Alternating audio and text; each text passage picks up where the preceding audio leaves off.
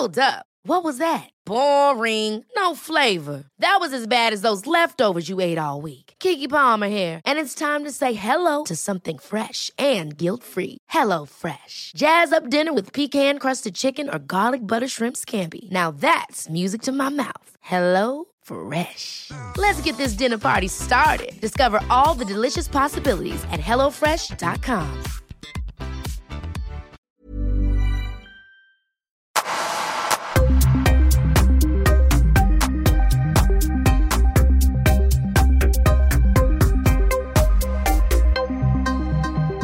Dana Jamini, välkommen till Öppet sinne.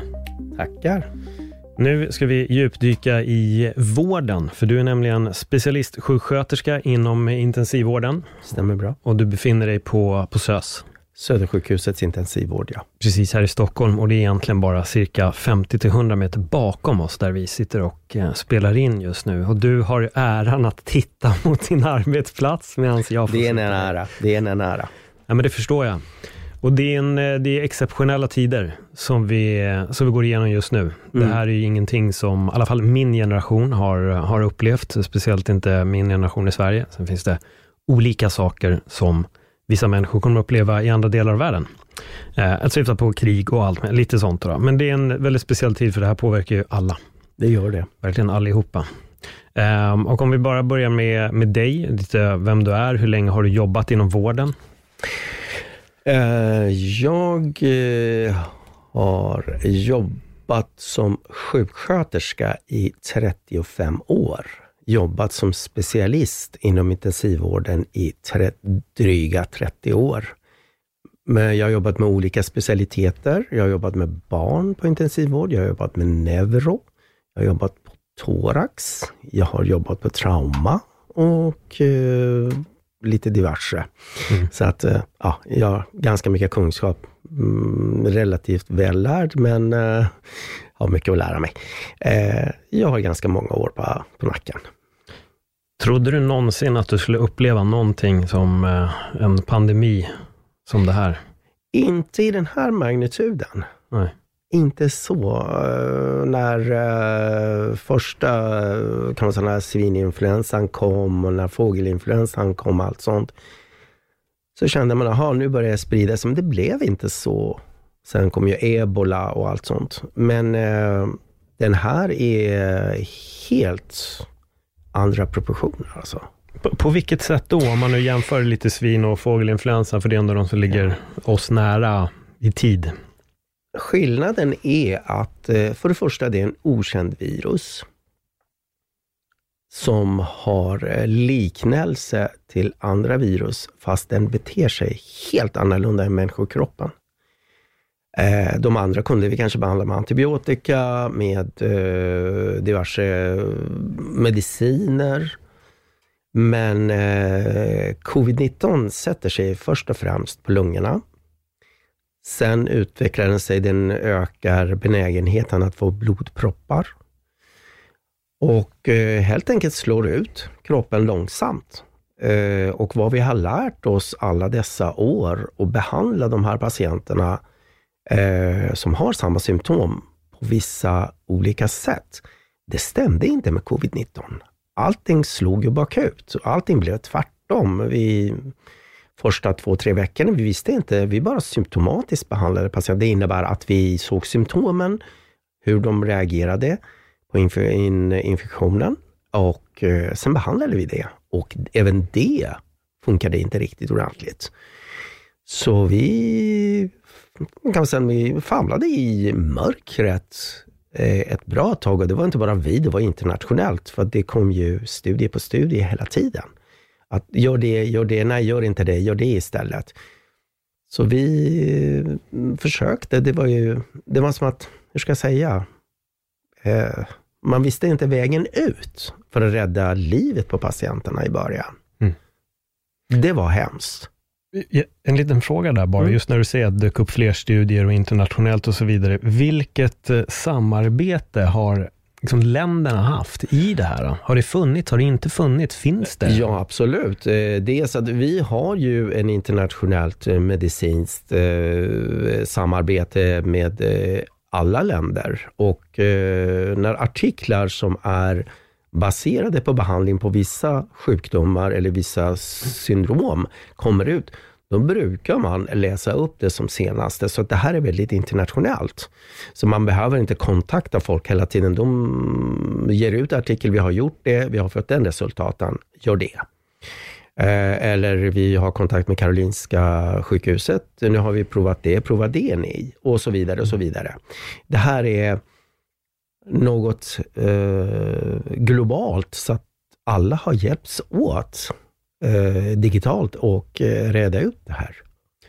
Hur ser kunskapen ut idag jämfört med mm. för några månader sedan? Mycket bättre. Eh, vi vet ju eh, till exempel det här med lungorna, hur vi ska hjälpa folk att andas i ventilator, hur länge vi ska vänta innan de hamnar i en respirator eller ventilator, hur man vill kalla det för en andningsmaskin. vad är det för skillnad på de två? Äh, ingenting. Okay. Eh, alla olika använder olika, men vi använder respirator, det är lite mera fackspråk. Mm. Eh, sen är det att vi har förstått hur länge vi ska kunna vänta, ha lite tålamod. Eh, vi har förstått att eh, de här patienterna reagerar bra på till exempel kortison. Det kanske ger dem lite mer tid att hämta sig.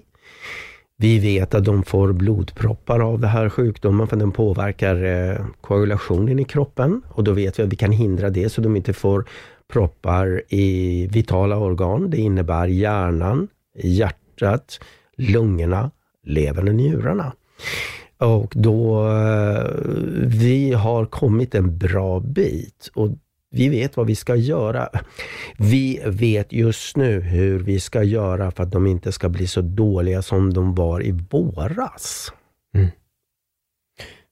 Det känns som att det här, alla länder på ett sätt agerade på samma fel, ska vi säga. Mm. Typ, ja men det kommer inte riktigt komma hit.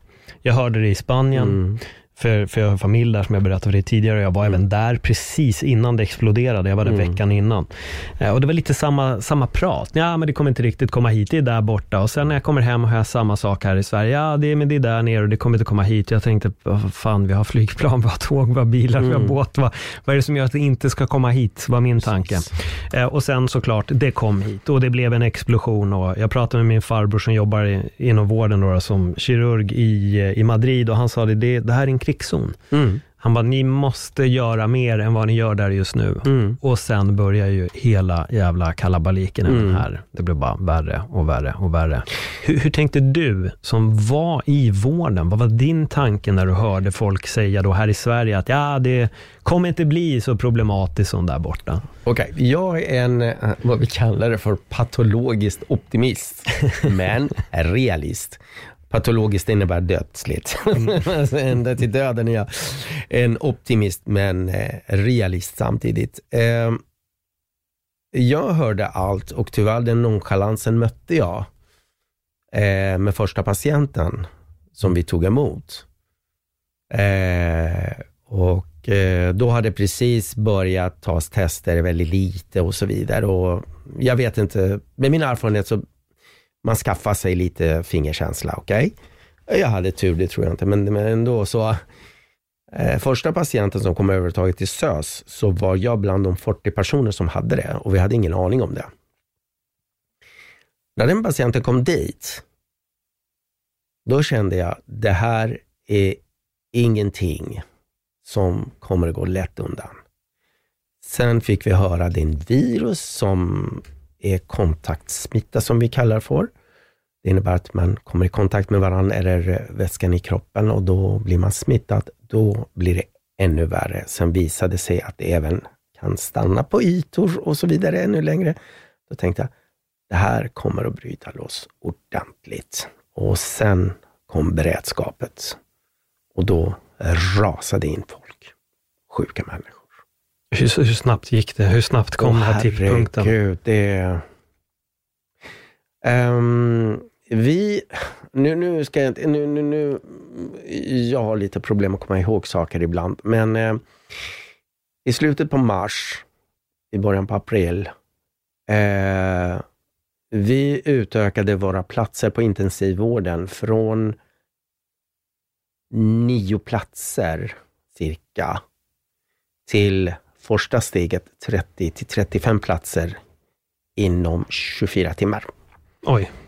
Ja, det och det här snabbt. är inte lätt att göra. Att skapa 35 intensivvårdsplatser mm. på, inte ens 24 timmar, på 8 timmar. Mina chefer är helt underbara. De, de, alltså de fixade det här, hur ska jag säga, det är bara att förflytta en krigsmaskineri eller förbereda landet för krig. Eh, nu är det inte det här krig, ursäkta uttrycket, men förbereda landet för ett krig på åtta timmar. Mm. Det här är magnituden för sjukhuset. Att förbereda för en pandemi och så bara funkar. Och de, det, det, det är ofattbart här. Hur? Men det var den. Det var bara, ha 35 patienter. My God. Och så fick vi nya lokaler som vi inte ens kände till. Wow. Mm. Och eh, då kände jag, första dagen när jag kom till nya lokalerna, att det här var ju det här kommer jag aldrig se någon mer inom min livstid, hoppas jag. Och där small det. Hamnade det... vi mitt i alltihopa. Ja. För jag började direkt när du började prata så började jag tänka, för New York var ju väldigt, väldigt exponerat också.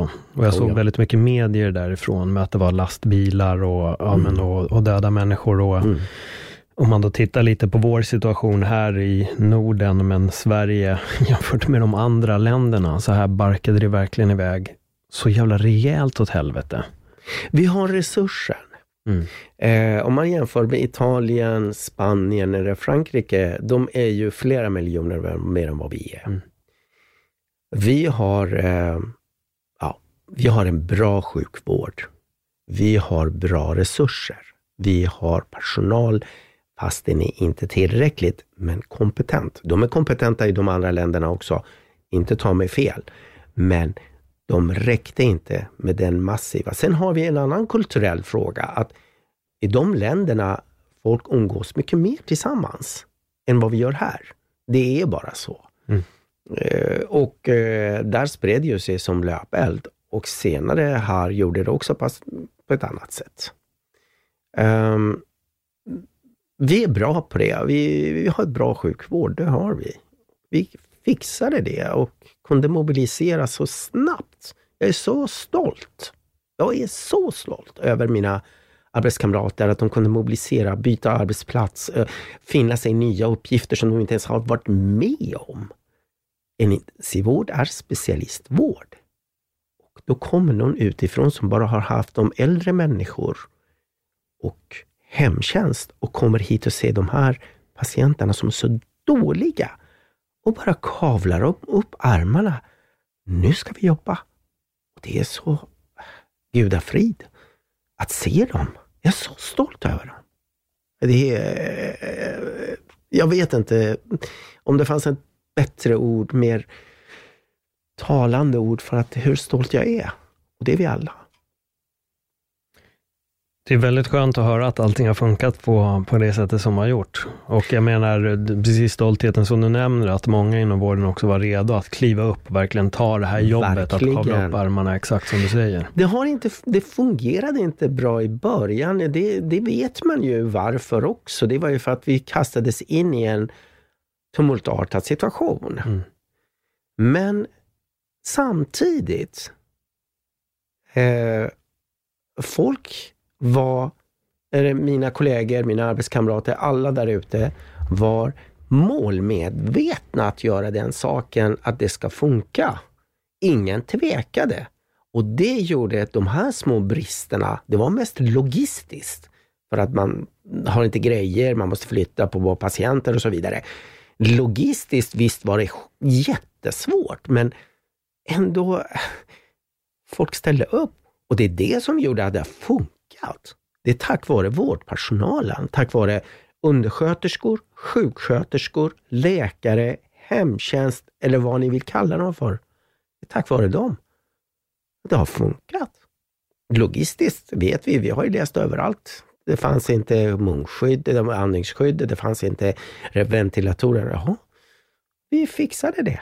Och vi grävde ur en apparat som jag jobbade för 30 år sedan, en respirator. Alltså alla respiratorerna var slut på Södersjukhuset. Vi grävde upp de där gamla uh, Volvon som jag kallar dem för, för de låter som en Volvo när man startar dem också, men vi fixade det. Det är grymt. Mm. Men det var inte lätt? Nej, men mitt, vårt jobb är inte lätt. Uh, vi har vi gjorde samma jobb som vi alltid gjort att i en större omfattning. Mindre personal och eh, sämre logistik. Men vi gjorde det. Och eh, eh folk har aldrig, man jämför sen när pandemin började, börjar alla prata om intensivvårdssjuksköterskor. Snälla, vi har varit där, även när det kommer influensa som smittar. Vi har varit där när det kom svininfluensa, när det kom diverse smittsamma, vi har alltid varit där. Det var bara den här magnituden som visade att vi kom upp plötsligt som personal på golvet att, aha, ni håller på att slita ihjäl er. Ja, det, gör vi, det har vi gjort innan dess också på grund av mm, mm, mm, personalbrist. Vi har delat på oss och böjt oss. Till slut så bryts man av. Men hur frustrerande är det? För det här är ju en diskussion som var redan innan pandemin mm. ens kom, så var verkligen det här på tapeten. Det var många sjuksköterskor som kom ut, som just nämner här, lönen är skit, vilket mm. alla vet. Det är mm. liksom era omständigheter är inte bra. Vad händer? Varför läggs inte pengar här? Och sen kommer den här extrema incidenten och nu sitter alla, åh, ni är så bra, sådana hjältar. Men, men syns det? På ert lönekonto? Får wow. ni beröm på riktigt? Anställs det mer folk? Eh, då ska jag säga här, eh, okej, okay. eh, du går in och jobbar. Sen jobbar du 12,5 till 12 timmar som dygnet. Ja, men då får du en extra lön. Men snälla rara, vänta lite grann.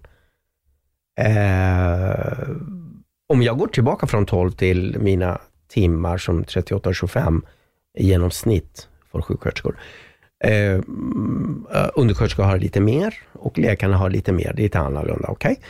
Eh, nu pratar jag om från min sida, min vinkel. Eh, ja, en del säger, ja men ni får ju pengar. Ja, jag får pengar, men eh, skulle du stå 12 timmar i så kallade M90-mask, gasmask, och få bara gå ut på toaletten och dricka ett glas vatten på fem minuter och komma tillbaka. Så gör du det i 12 timmar och säger att du får betalt för det? Ja, jag får betalt, men vilken kostnad?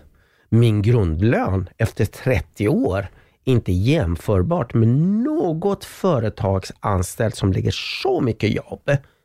Efter 30 år i senior får inte min lön för minst dubbelt så mycket som jag får. Men det är grundlönen som ska upp.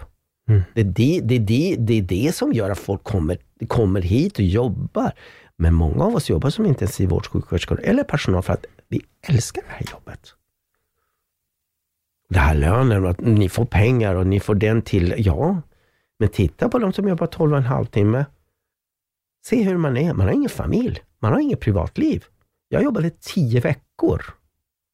12 timmar per pass. 60 timmar i veckan. Jag träffade inte ens mina barn på tio veckor ordentligt. Äh, mm, de bara, eh, pappa ska till jobbet nu igen. Ja, de är hemma hos sin eh, mamma var de, deras mamma var väldigt snäll och hjälpte till väldigt mycket. Men, och även min fru naturligtvis. Eh, men de, var är pappa? Nej, pappa kommer hem klockan åtta på morgonen, lägger sig och sover, så går upp klockan fem för att eh, käka något och klä på sig och dra till jobbet klockan sju igen. Eller klockan sex för att jag var på jobbet klockan sju. Så att. Sen jag personligen hade ju projektet i att dokumentera på bild. Så jag jobbade typ, säg 14-15 timmar per dygn mm. i tio veckor.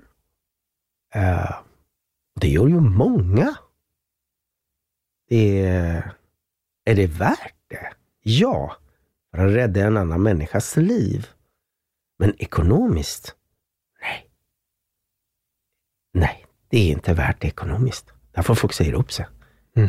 Det är inte värt den smällen man får. Som jag fick. Ja, vi kommer komma in på det. Mm. Um, alltså, jag kan ju bli, jag kan inte, jag blir frustrerad när jag hör omständigheterna jag jobbar under. Min mamma är gammal sjuksyrra, hon är pensionerad nu. Hon har jobbat också med det många, många, många år. Jag har alltid fått höra om lönen, den är väldigt dålig och hit och dit. Jag har ju sett det själv. Och det är så jävla frustrerande rent ut sagt att veta det och sen ändå på en politisk nivå så fortsätter det bara.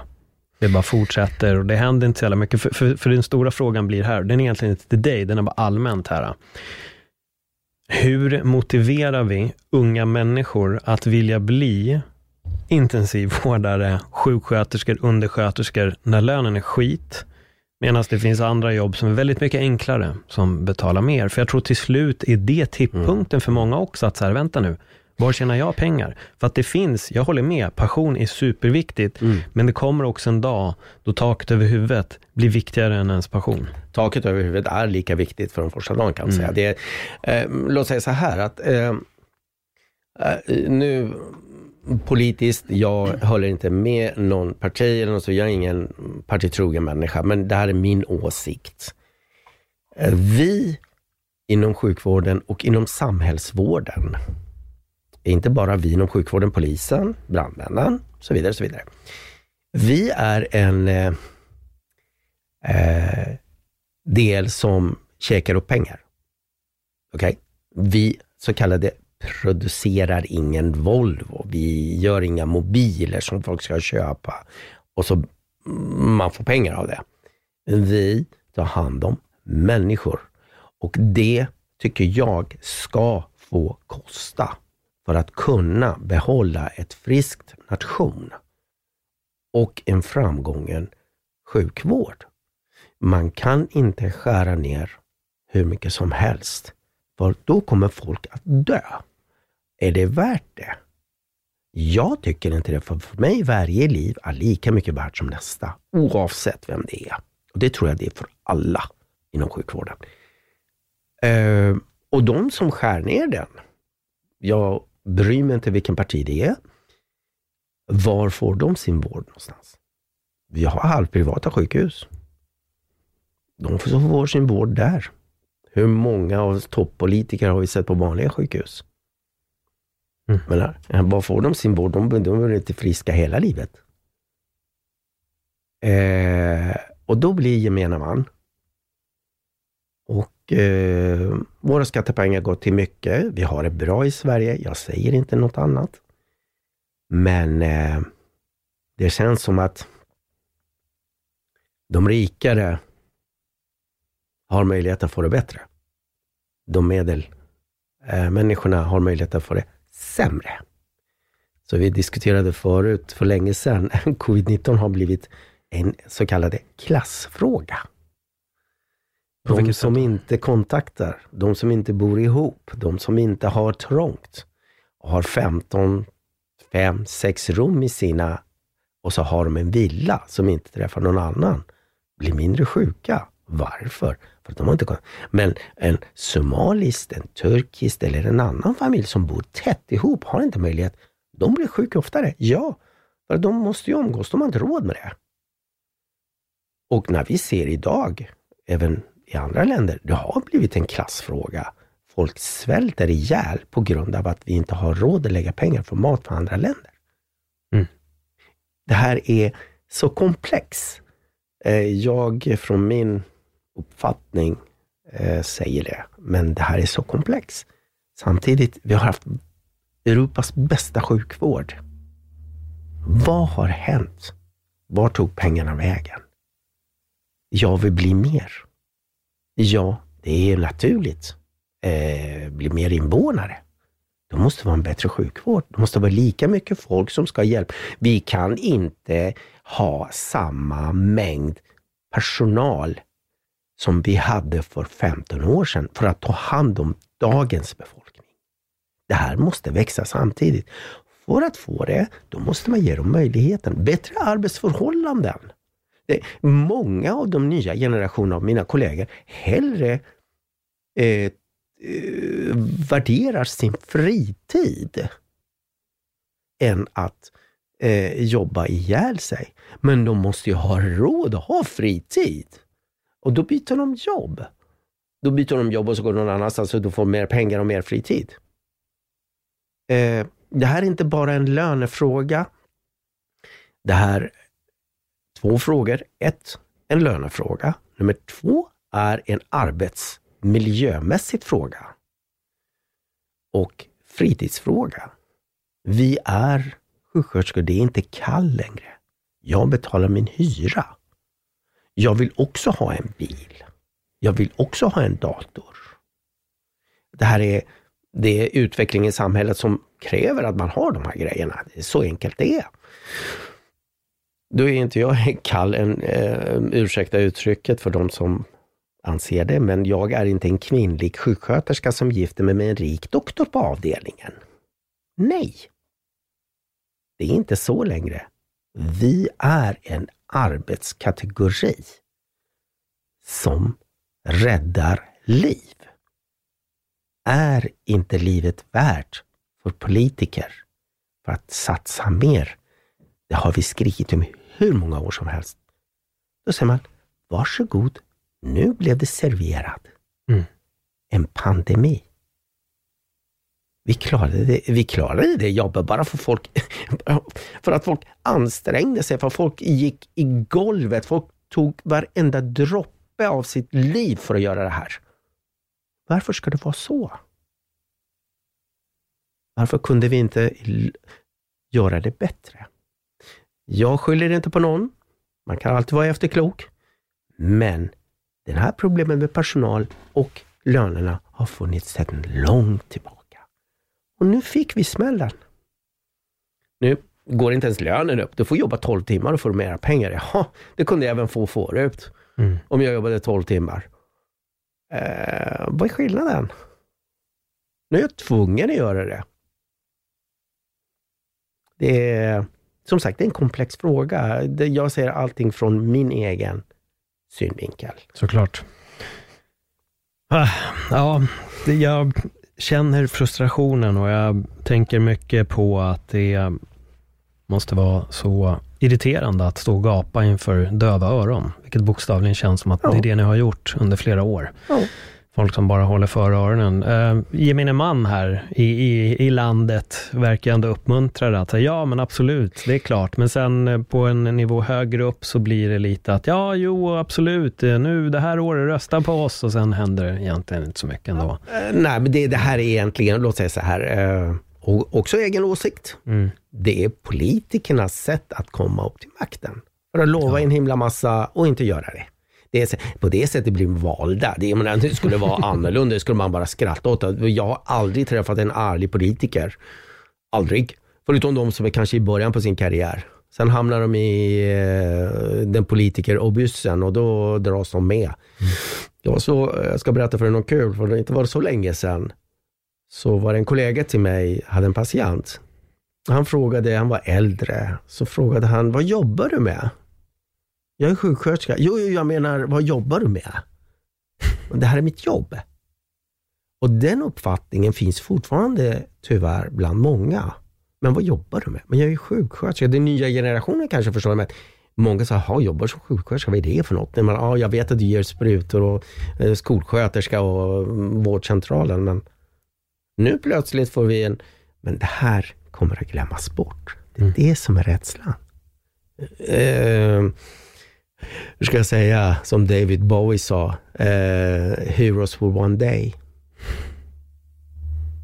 Och vi är heroes for one day. Det är för en dag vi är hjältar. Det håller på att glömmas bort redan i somras. Det fanns ju, Ja. men för guds skull, vi hade i våras, i somras började det glömmas bort. Det låg ju fortfarande varsel på personal. Mm. För, eh, Hur, hur går det här ihop? Ligger varsen kvar? Eh, nej, de har dragit tillbaka det vad jag vet. Mm. Jag kan inte svara 100% på det. Så, har dragit tillbaka sitt. Det vet jag. Eh, men eh, vem säger att när det har lugnat ner sig så varsen går på igen? Ja.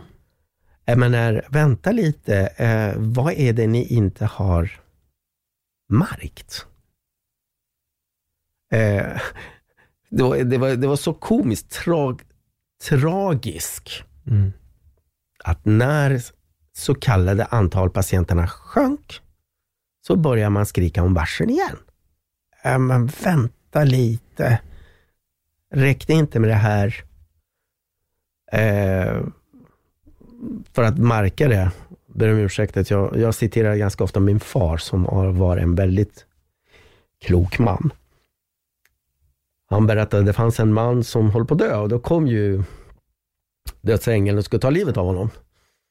Och man sa, du jag har väldigt mycket att göra. Kan inte du vänta lite grann? Eh, ja, ja, ja, men jag kommer sen. Men kan du förvarna mig? Ja, ja, det kan jag göra. Det gick ungefär en 30 år och så kom dödsängeln. Nu är det dags. Ja, men du skulle förvarna mig. Men vad är det du inte har sett? Din mor dog, din far dog, din syster dog, din bror dog, din granne dog. Mer förvarningar, vad ska jag visa dig? Och det är likadant här. Hur många gånger ska vi visa att det här går åt fel håll? För att någon ska förstå högre upp att det går åt fel håll. Döden kommer. Mm. Men titta runt, kanske dags att börja åtgärda och göra klart. Eller kanske man skulle, det här var verkligen en, förhoppningsvis en väckande, uppväckande tanke för politiker, men det tror jag inte på.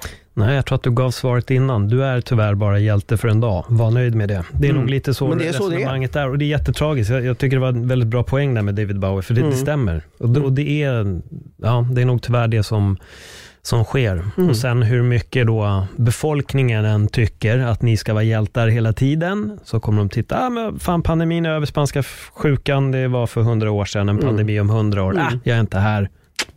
Så. Ja. Det, det, är jättetråkigt. Alltså det är verkligen, som sagt, det är otroligt tråkigt att höra.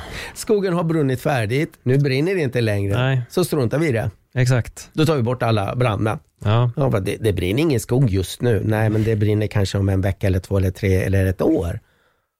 Mm. Uh, jag brukar mm, likna oss med andra sociala arbetsgrupper, brandmän. Uh, jag brukar säga så här, eh, det behövs, eh, ursäkta alla brandmän, jag kan inte ert jobb, men eh, bär med mig.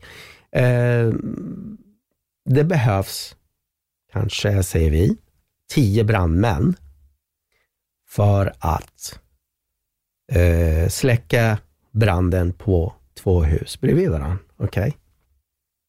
Det klarar de säkert jättebra, de är jätteduktiga, de är hjältemodiga. Men hallå, ska tio brandmän släcka ner en brand på 50 hus? Det är vad vi är utsatta för. Vi är bara tio brandmän och antal bränder ökar. Hur ska vi släcka det? Nej, nej, nej, då har vi inte vi råd med att betala mera brandmän. Då får det väl fan brinna ner då. Men vi, vi struntar i det. Vi går in i elden, vi räddar, vi släcker bränder. Och det gör brandmännen också. De sätter sitt liv på det här. Då går de in och gör det. Vi gör likadant, fast det brinner inte, människor dör. Men folk går in, folk gör det. Mm.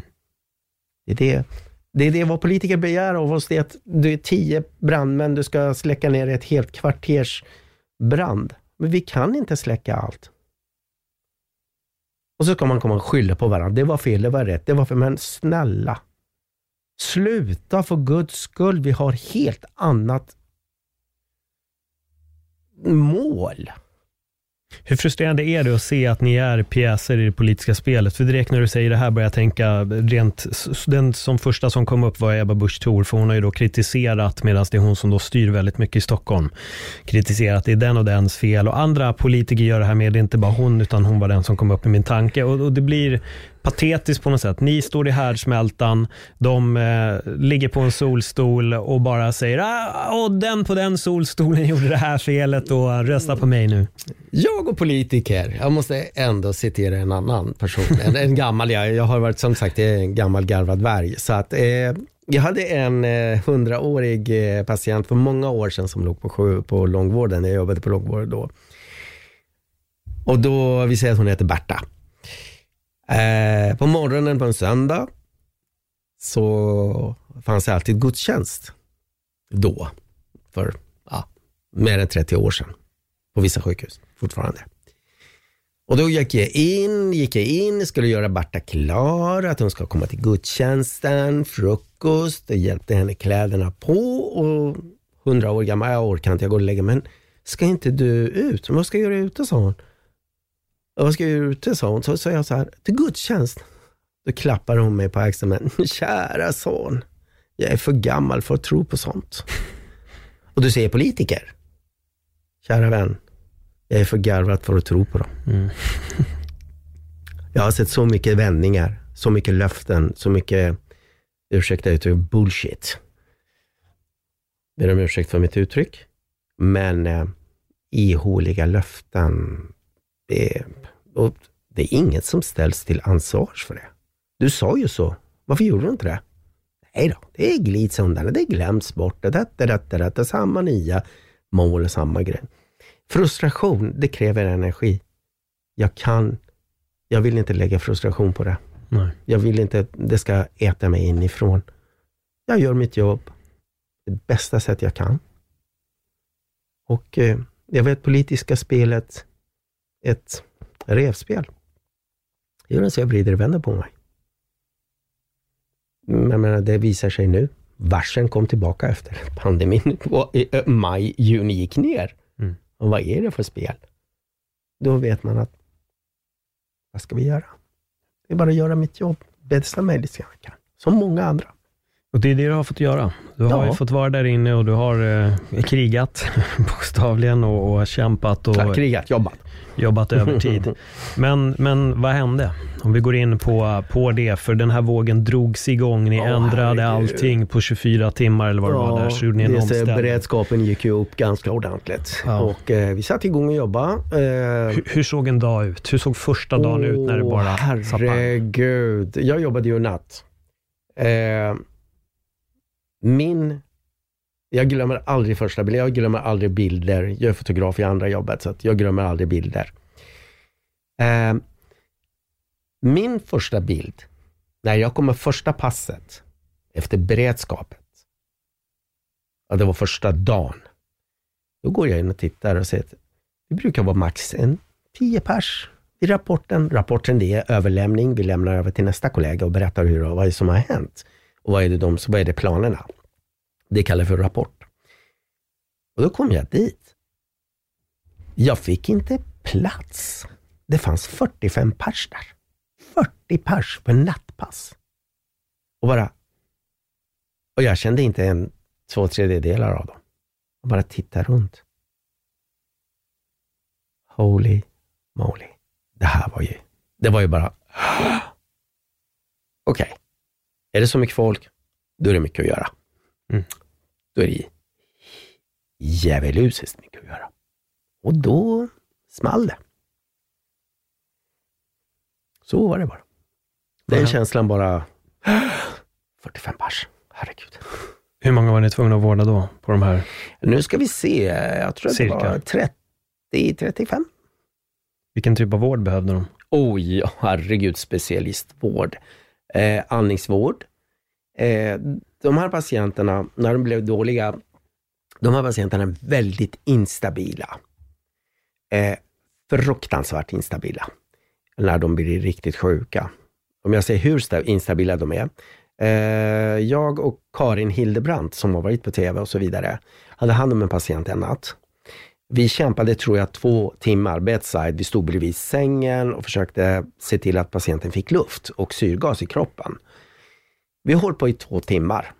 Efter två timmar så går Karin för att ta och dricka lite vatten. Då har vi stått i maskarna, torra i halsen. Hon behöver fem minuters paus för att bara dra ett andetag. Hon går ut från salen. Jag vänder mig från patienten, sätter mig vid bordet för att dokumentera vad vi har gjort. Jag lyfter upp blicken. Då har patienten blivit kritiskt dålig på cirka 15 sekunder. Till 30 sekunder cirka. Så att nästan dödskritiskt. Det var att skrika och larma. Så dåliga är de. Och det var, majoriteten var sådana. Mm. Majoriteten var de här. Och eh, det går i hela, hela, hela draman går igång. Man har massor med läkare och sjuksköterskor hjälpa till att rädda livet på personen i frågan.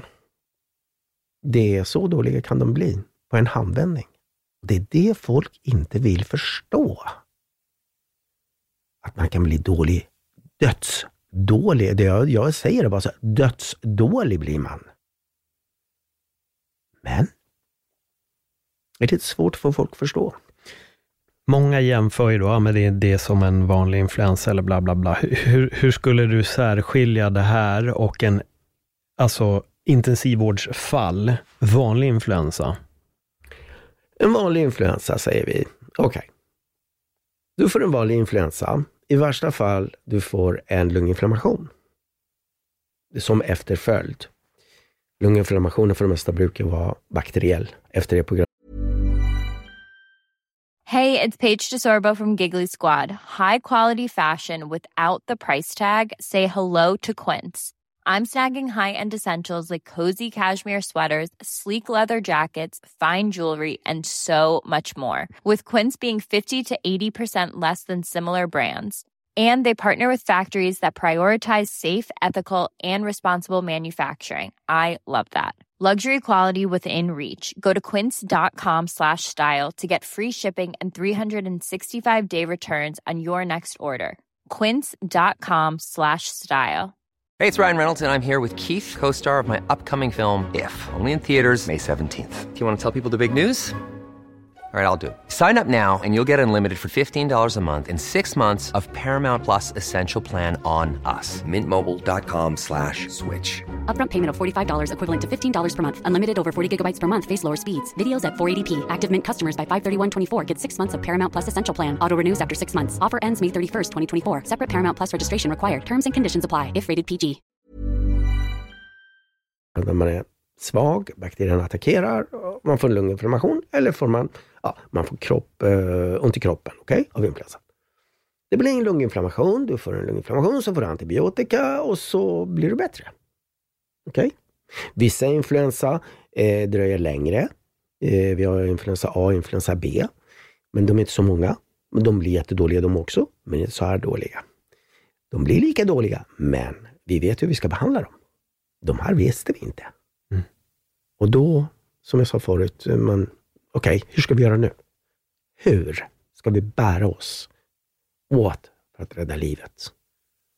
Och eh, ja, det känns kanske i början som en vanlig influensa, men när du ligger där och känner att du ska sätta dig upp i sängen och plötsligt kan inte du få luft och du får sån antal andningen ökar från 10, 15 15 i normala fallet till 35, bara för att du sätter dig vid sängen från liggläge. Då förstår du hur dålig du är. Influensan kanske kan du sätta dig och dricka någonting. De kan inte sätta sig upp och dricka något. Det det, det. Hur ska jag säga? Eh, en granne till mig fick covid. Och han försökte tredje dagen, har tagit Alvedon, febern har gått ner, det är typiskt eh, för många. Han försökte gå på toa själv. Vad tror du hände? Han säckade ihop. Han kunde inte komma ur sängen. Han försökte ställa sig. Det gick åt, totalt åt pipan. På grund av lungorna eller? Ja, han får inte luft. Han, får inte, han fick inte luft. Han bara säckade ihop. Ja, du får få hjälp och gå på toa med din fru och sådär. Ja. Du kan inte ens anstränga dig. Du kan inte ens vända dig i sängen utan att få andningsproblem. Och det släpper inte. Ehm, det skillnaden är snabb insjuknande, dramatiskt insjuknande och de som är riskgrupper blir otroligt dåliga. Det visste vi, men nu, tyvärr, har vi många unga mm. som inte är i riskzonen. Och varför kommer de in? Alltså, jag har haft en 90-talspatient, alltså 90, för, för ett 90, jag säger inte 90 vad, 90-talist ja. Jag blev bara paff. Va? Ja, nu kommer de. Mm. Nu ligger antalet yngre patienter, ja, mer. Jag vet inte. En ung människa kan gå upp efter influensa, gå ut och ha någonting, men de här ligger ju för guds skull minst två veckor i ventilatorn när de blir dåliga i respirator eller vad jag kallar det för. Men folk måste förstå det här. Det drabbar alla, även om du inte är en riskgrupp. Har du fått infektion? Har du blivit smittad? Smittar du andra? Och du kan bli dålig och du kan dö. Många människor kom in och lämnade sina anhöriga vid akuten. De fick aldrig se dem igen. Och de dog. Då fick de tillbaka sina anhöriga i en plastsäck. Fick ta farväl i en plastsäck. Hur tragiskt är inte det? Tänk dig din anhörig, far, mor, bror, syster, barn. Lämnar du den till akuten och de säger adjö och sista gången du har fått sett adjö till din närmaste och käraste hjärtat du har. Och så får du ett samtal efter två, tre veckor. Ändå får inte du besöka dem. Ja, nu kan inte vi göra mer. Han eller hon är så dålig att den kommer att dö. Får inte ens ta farväl. Förstår folk vad de utsätter sig själva för? Ta farväl av en plastsäck. Det, det är... Vem, vem ska hålla handen när någon dör? Det är vi. Ja, det var precis det jag skulle säga. Det är du som får göra det. Ja, men hur ofta har jag tid med det? Mm. När jag har två dåliga andra patienter som håller på att kämpa för livet. Där skulle jag vilja ha en nära anhörig som sitter där och tröstar den. Jag vill inte ha en sjuksköterska som sitter bredvid mig när jag dör. Mm. Jag vill ha någon som jag älskar och hålla mig i handen och ge mig sista ro. Men hur många av dem får det?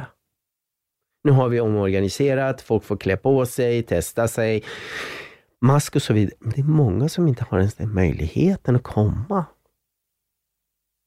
Tänk er hur, bara föreställ er hur det känns att lämna ditt barn, jag var 30-40, spelar ingen roll, i akuten, aldrig få se honom eller henne e-, igen.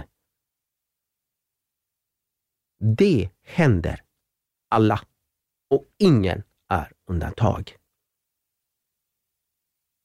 Det, det är risken av att folk inte använder munskydd, inte tvättar händerna, trängs inne på köpcentret. Men för dem är en, inte, för dem är en, eh, ska jag säga, det är ett, eh, vad kan man kalla det för, en, en, en, sak som inte är verklighet. Det är en eh, parodi för dem kanske. Men vad gör ni när döden knackar på dörren då? Såg inte du hur många som blev sjuka och dog? Där säger jag, men snälla. Jag, jag, jag jobbar. Jag säger det på TV4 också. En sak ska svenska folket veta.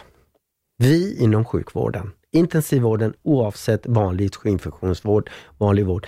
Vi finns där för er. Dygnet runt, 24-7, 365-66 dagar om året. Vi finns alltid där. Men åtminstone ger oss möjligheten att rädda livet för dig och dina käraste. Skydda dig. Med det skyddar alla andra och räddar livet på dem. Det är enda meddelandet vi har. Jag har slutat bli frustrera mig. What the hell? Okej. Okay. Du förstår inte var du hamnar, men vad ska jag göra? Jag kan inte gå och peka finger åt folk. Folk har ruttnat på det. Mm. Eh, vi vet inte. Vi gör vårt jobb nu. Nu har vi stängt av alla grejer och alla frustrationer. Folk är då och folk gör så. När ledande politiker inte ens lever som de lär. Nej, Hur ska en 15-16-åring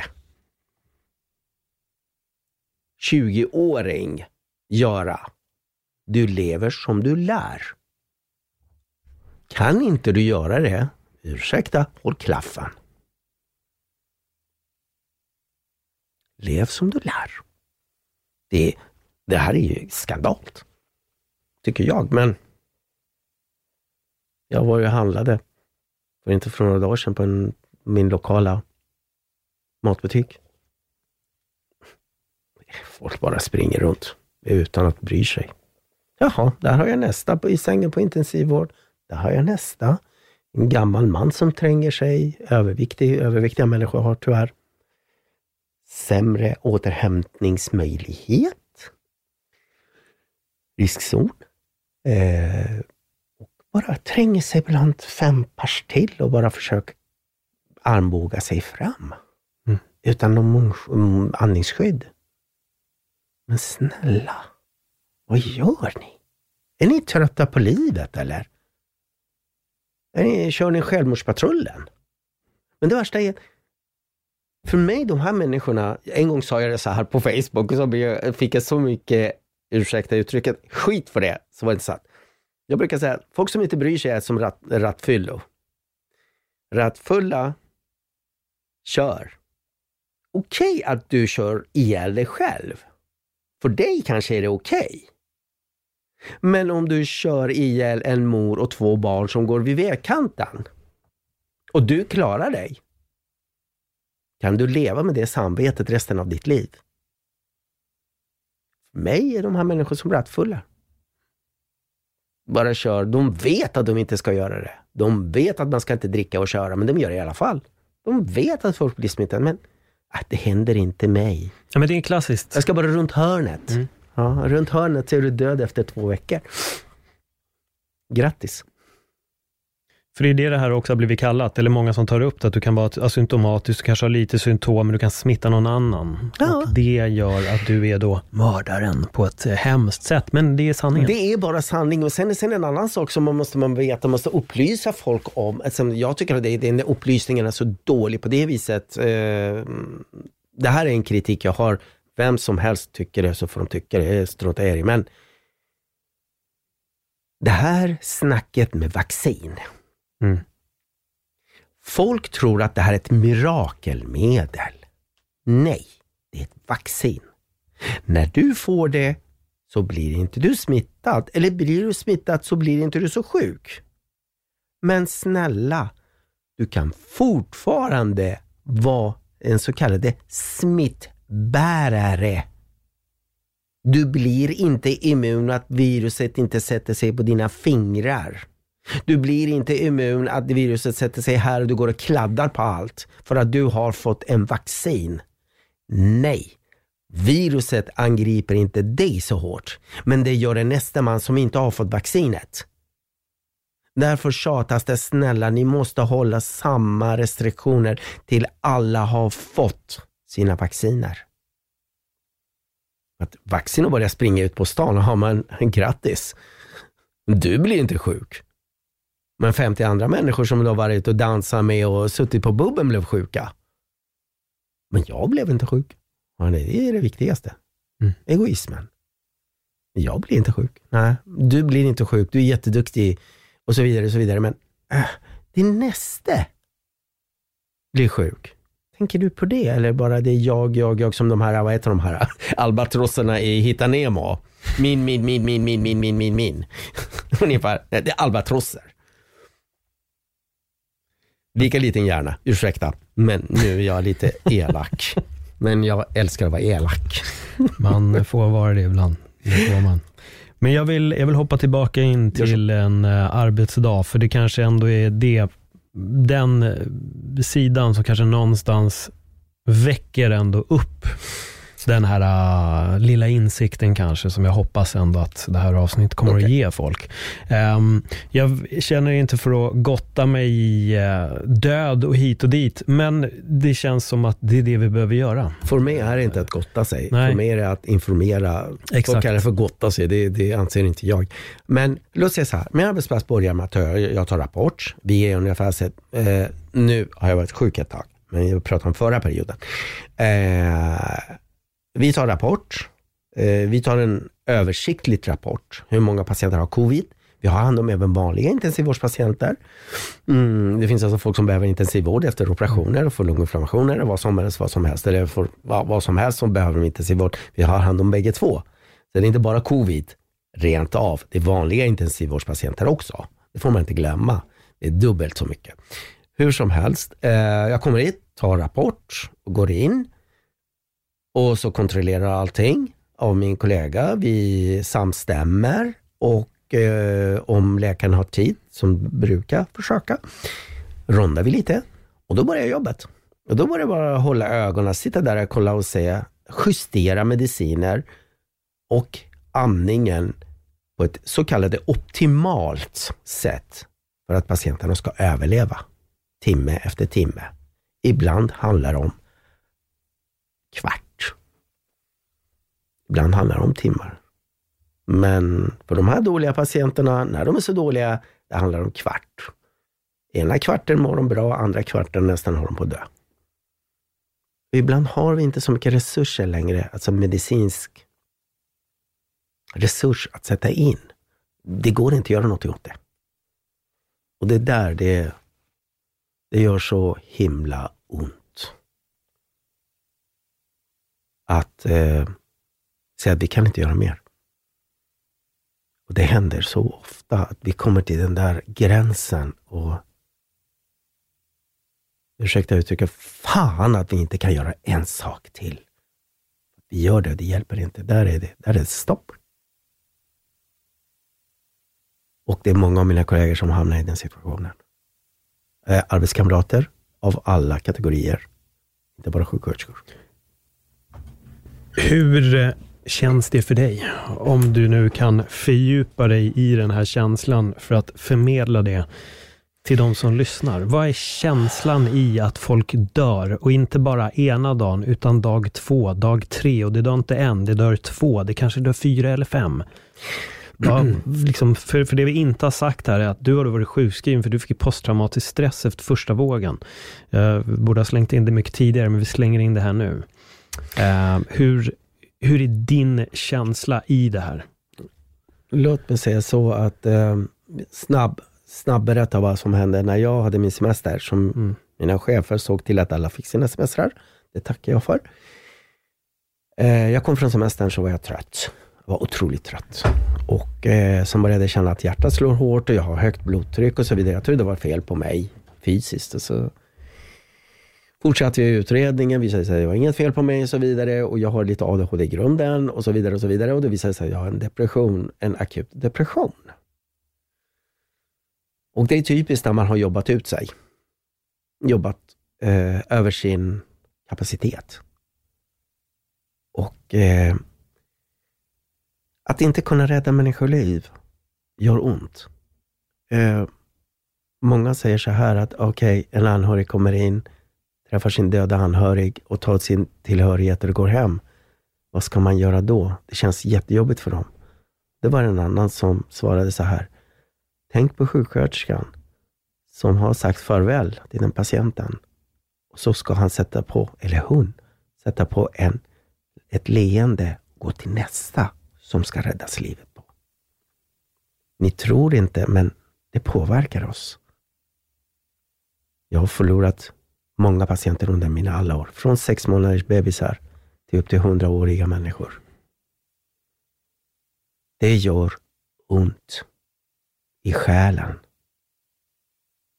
Och ser de så dåliga, det, det gör en ont. Men på något sätt måste man blockera det för att kunna rädda livet. Man kan inte ha de känslorna så mycket på jobbet. Så det, är, det är en annan liv. Man kan inte tänka på sig själv längre. Det är en annan människa man räddar. Och då lägger man undan allt och så smäller det när man kommer hem. Mina kollegor har suttit hemma och gråtit. Mina kollegor har gått ifrån jobbet och gråtit, gått på rast och bara inte ätit, bara sitter och gråter. Mina kollegor som inte orkar ens eh, komma till jobbet för att de, har, de, är, ut, de är utbrända. Folk går som zombies runt. Folk orkar inte ens prata om det här för att det är för mycket. Men vad gör vi? Jo, vi stänger ut våra känslor och räddar livet på folk. Men när vi inte finns längre, vem ska rädda livet på er? Det är en dilemma som varenda en av oss går runt och tänker på. Många av oss, inte alla, många av oss. Den här känslan är hemskt. Jag... Jag vet inte, jag bara... Jag sjönk ihop bara efter... Eh,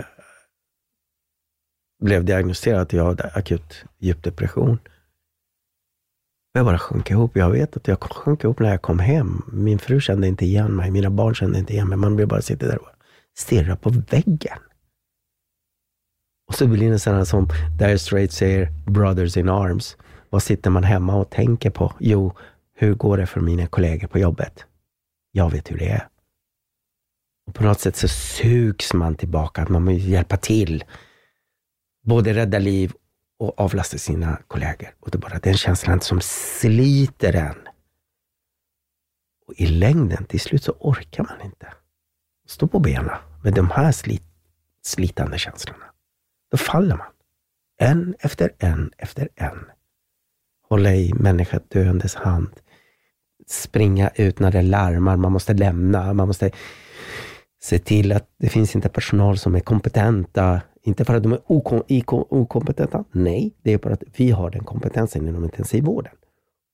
Och, och så ska det vara överallt. Det slits och då kommer du hem. Jobbet är där. Jobbet finns i mitt huvud. Jag kommer varenda bild, varenda patient jag behandlade inom de tio veckorna jag jobbade 12 timmars pass. Jag kommer ihåg alla. Bild för bild. Jag fotograferade och dokumenterade, som jag kanske har hört. Och Det går inte. Det är bara att leva med det. Men jag vill inte att folk ska leva med den känslan att jag, det här är mitt jobb. Men jag vill inte att folk ska leva med den känslan av att de förlorade en anhörig och aldrig sa farväl. Det är, det är hemskt. Och inte ens komma och besöka dem på sex veckor, även om de klarar sig. Man vet inte ens hur de mår. De måste ringa och prata med sjuksköterskan. Om de inte kan prata själva förstås. Men snälla, utsätt inte er för det här. Det är omänskligt. Det vi gör är vårt jobb till bristningsgränsen och våran gräns börjar nås. Som sagt, folk faller. En efter en. Men hur länge till orkar vi med det här? Det enda vi kan be om hjälp. Snälla, håll avstånd. Snälla, tvätta händerna. Snälla, använd andningsskydd, även om du inte tror på det. Gör det för din nästes skull, om inte för din egen. För nästa gång är det du. Nästa gång är det din käraste som jag tar hand om.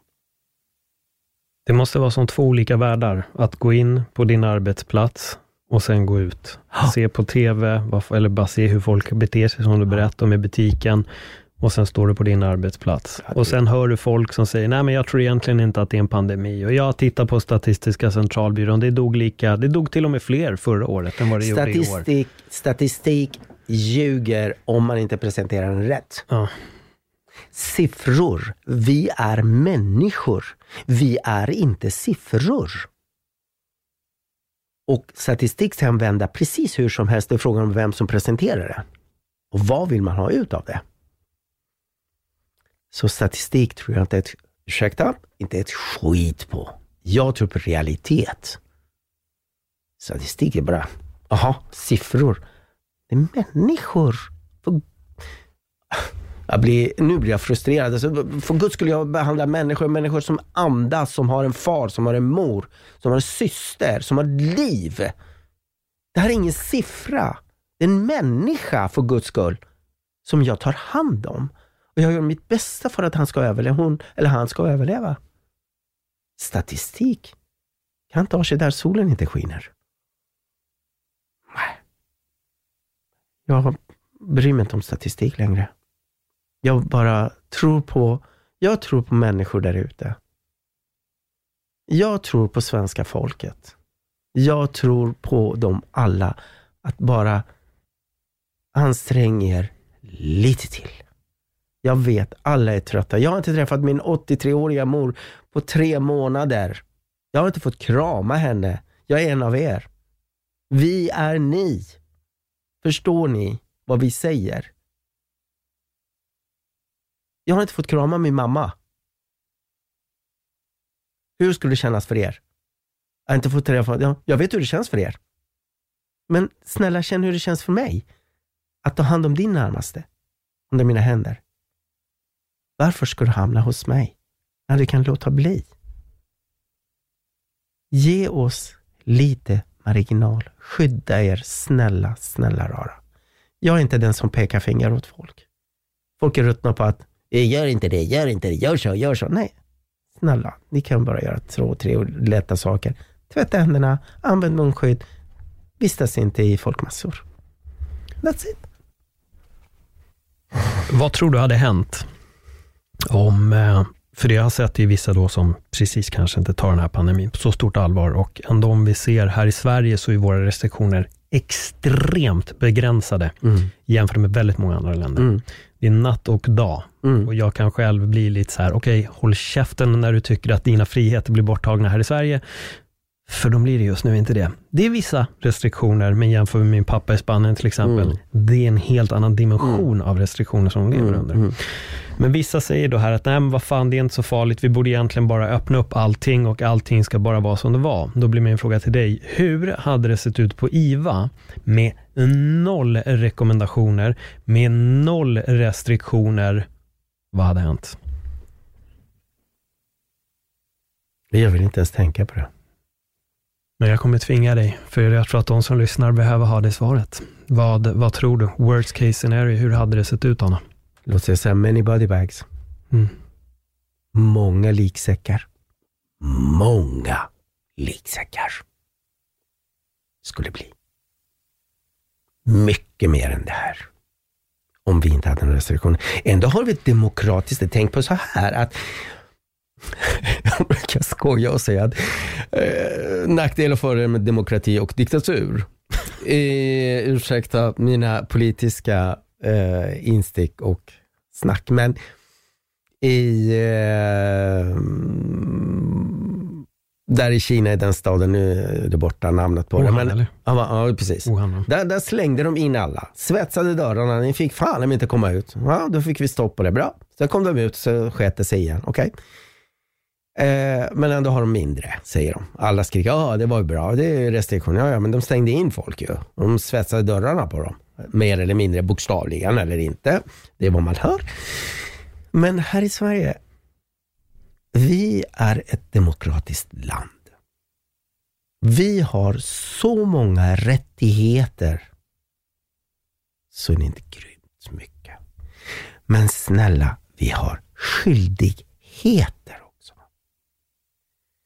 Och den skyldigheten är, om vi inte hade, varför måste någon komma ut och tala om för dig, du får inte göra så här för att du ska slippa att gå, göra det.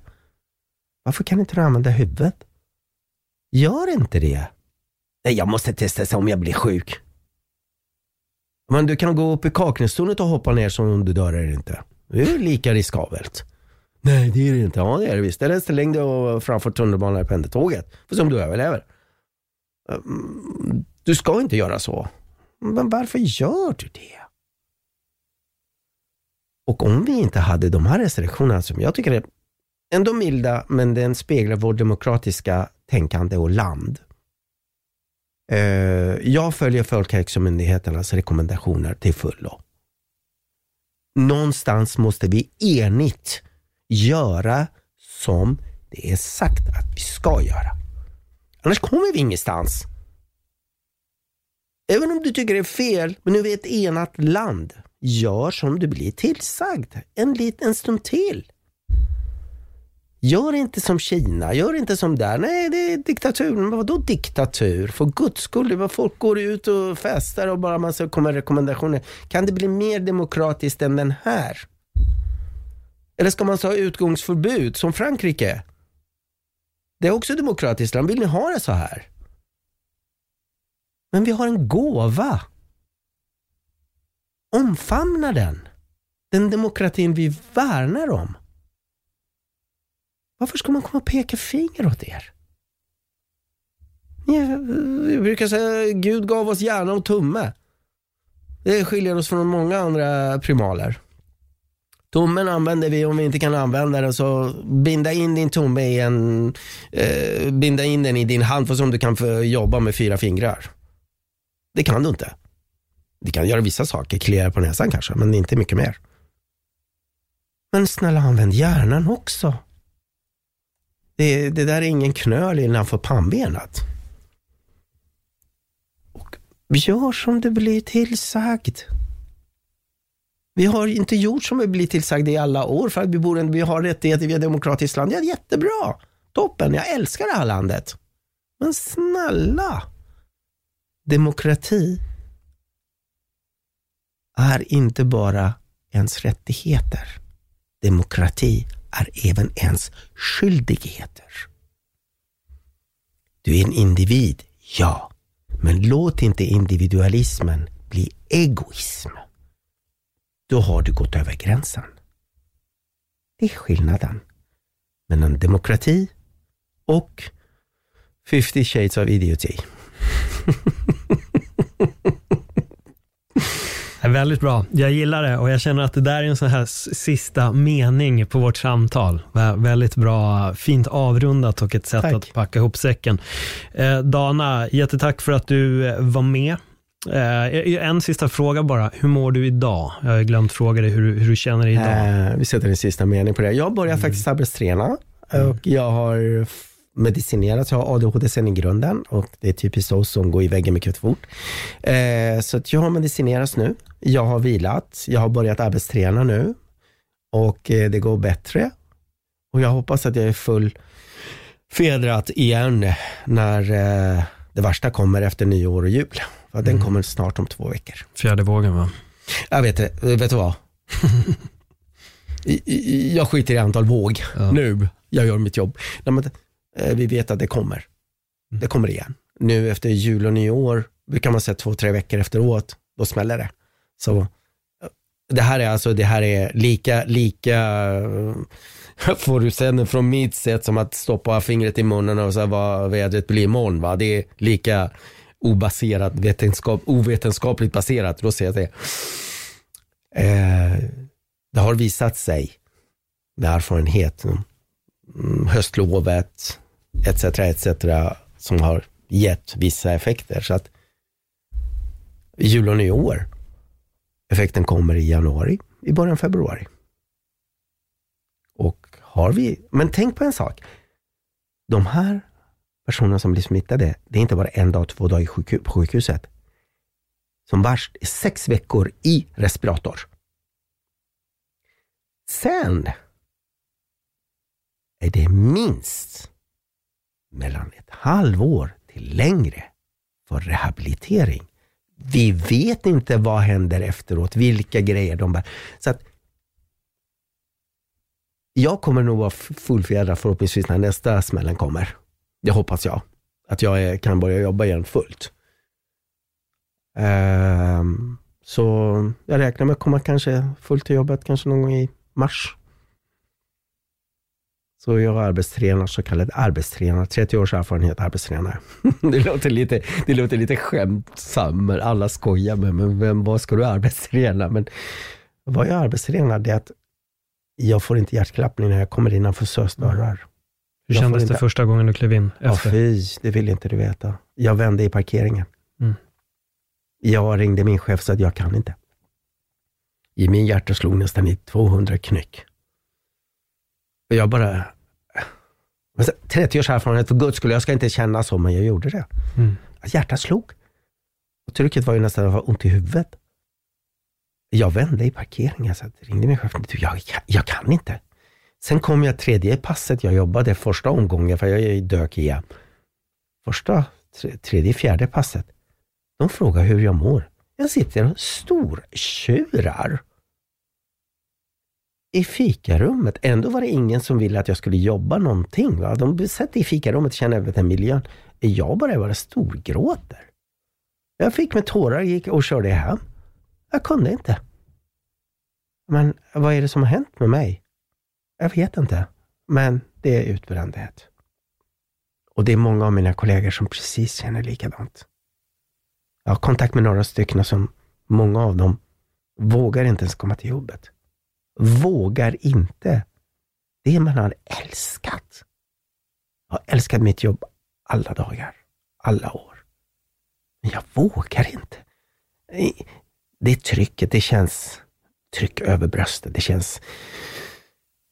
Jag får inte luft. Men det är bättre nu. Låt mig se det. Logistiken fungerar. Vi har bättre kunskaper. Det känns bättre. Jag får hoppas att du kan eh, komma tillbaka till det du älskar att göra. Då. Absolut. Men eh, lyssna på kroppen. Om jag inte börjar fotografera istället.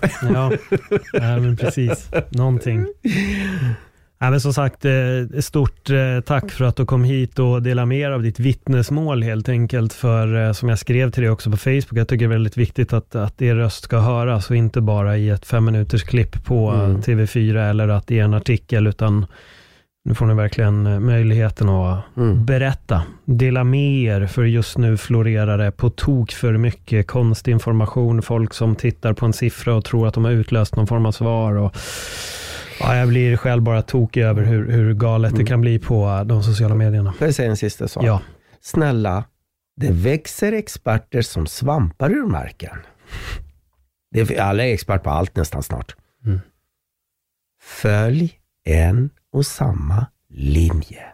Vela inte. Har ni hört talas om eh, divide and conquer, eh, dela och härska? Nu är det så här, viruset delar på oss. Han härskar än oss. Enkelt. Följ en linje och håll med den. Och det är Folkhälsomyndigheternas. Även om du inte tycker om det. Gör det snälla. Enighet ger seger splittring. Tyvärr förlorar man på. Enat folk åt ett mål. Det är jag önskar av svenska folket. Mm. Enat. Sluta kritisera alla. Alla har kritiker. Men snälla, följ bara det. Varför alla ska... Demokratin tycka vad du vill. Jag tycker vad du vill. Men gör som du just nu ska göra. Jag brukar säga att tycke är fritt, men fan om inte kan hålla käften istället. Ber om ursäkt för mina uttryck. Nej, det ska du inte göra alls. Det behövs inte. Alla får tycka. Ja. Absolut, men det här att man delar experter. Ja, jag tycker inte, jag tycker inte. Ja, men då, då hänger jag på den experten för att det passar mig bättre. Varför hänger du på med en expert för att du tycker det passar dig bättre? Nej, Följ en, låt de där experterna bråka emellan som sinsemellan hur mycket de vill. Gå efter regeringen, statens rekommendationer. That's it. Vi vet inte vad är rätt, vad är fel. Vi trodde Frankrike och de andra gjorde det. Det, det small skiten igen. Det är lätt att vara sierska.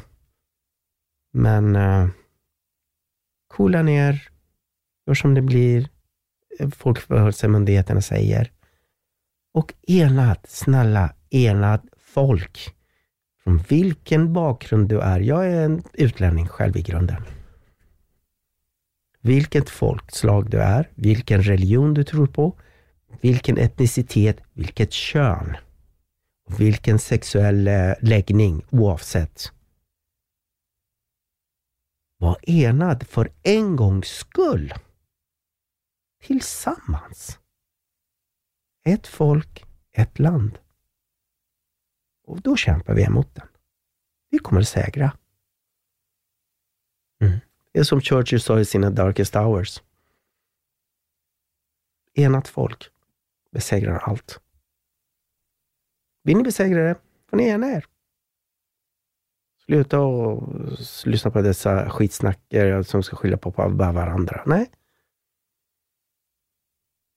I medicin brukar man säga, det finns alltid en, aldrig en rak linje. Det finns så olika sätt att göra på saker och grejer. Man måste välja en. Du kan inte göra allt samtidigt. Och det är likadant med det här. Gör samma, alla. Enat. Ja, vi får verkligen hoppas att um ska nästan säga, jag får hoppas att jag får träffa dig under bättre omständigheter någon gång i framtiden. Det hoppas jag verkligen. Och att vi kan eh, blicka tillbaka på det här, men att allting är på något sätt i det nya normala. Mm. Eller vad man nu ska det kommer kalla det. Bli. Det kommer ja. det bli. Det gör det. det. Bli. det jag, som jag är patologiskt optimist. ja, det är helt rätt. Jag hoppas bara att du får fortsätta vara det många, många år till. Även patologiskt är bra, men får hoppas mm. att det får fortsätta länge. Äh, men som sagt, Dana, eh, supertack för, eh, för allting du har gjort. Inte bara i den här podden, utan allting du gör, dina kollegor. Jag hoppas verkligen att det också uh, händer någonting rent politiskt med era arbetsomständigheter, för det måste förändras. Uh, och det, ni står på frontlinjen, ni står mitt i härdsmältan och ni lever i en annan verklighet än vad väldigt många andra gör, om man säger så. Ja, det gör de.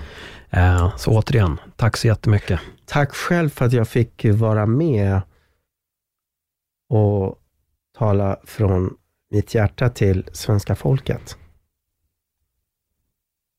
Verkligen. Jag tackar så hemskt mycket.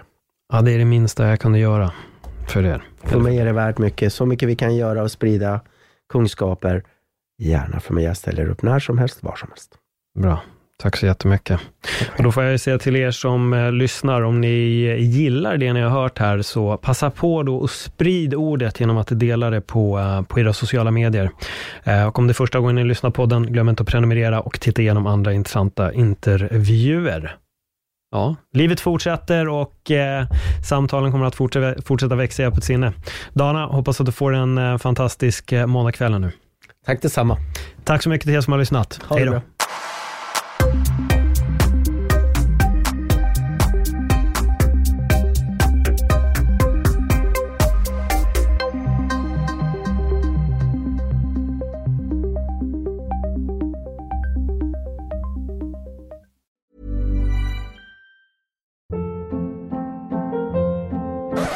Up. What was that? Boring. No flavor. That was as bad as those leftovers you ate all week. Kiki Palmer here, and it's time to say hello to something fresh and guilt-free. Hello Fresh. Jazz up dinner with pecan-crusted chicken or garlic butter shrimp scampi. Now that's music to my mouth. Hello Fresh. Let's get this dinner party started. Discover all the delicious possibilities at hellofresh.com.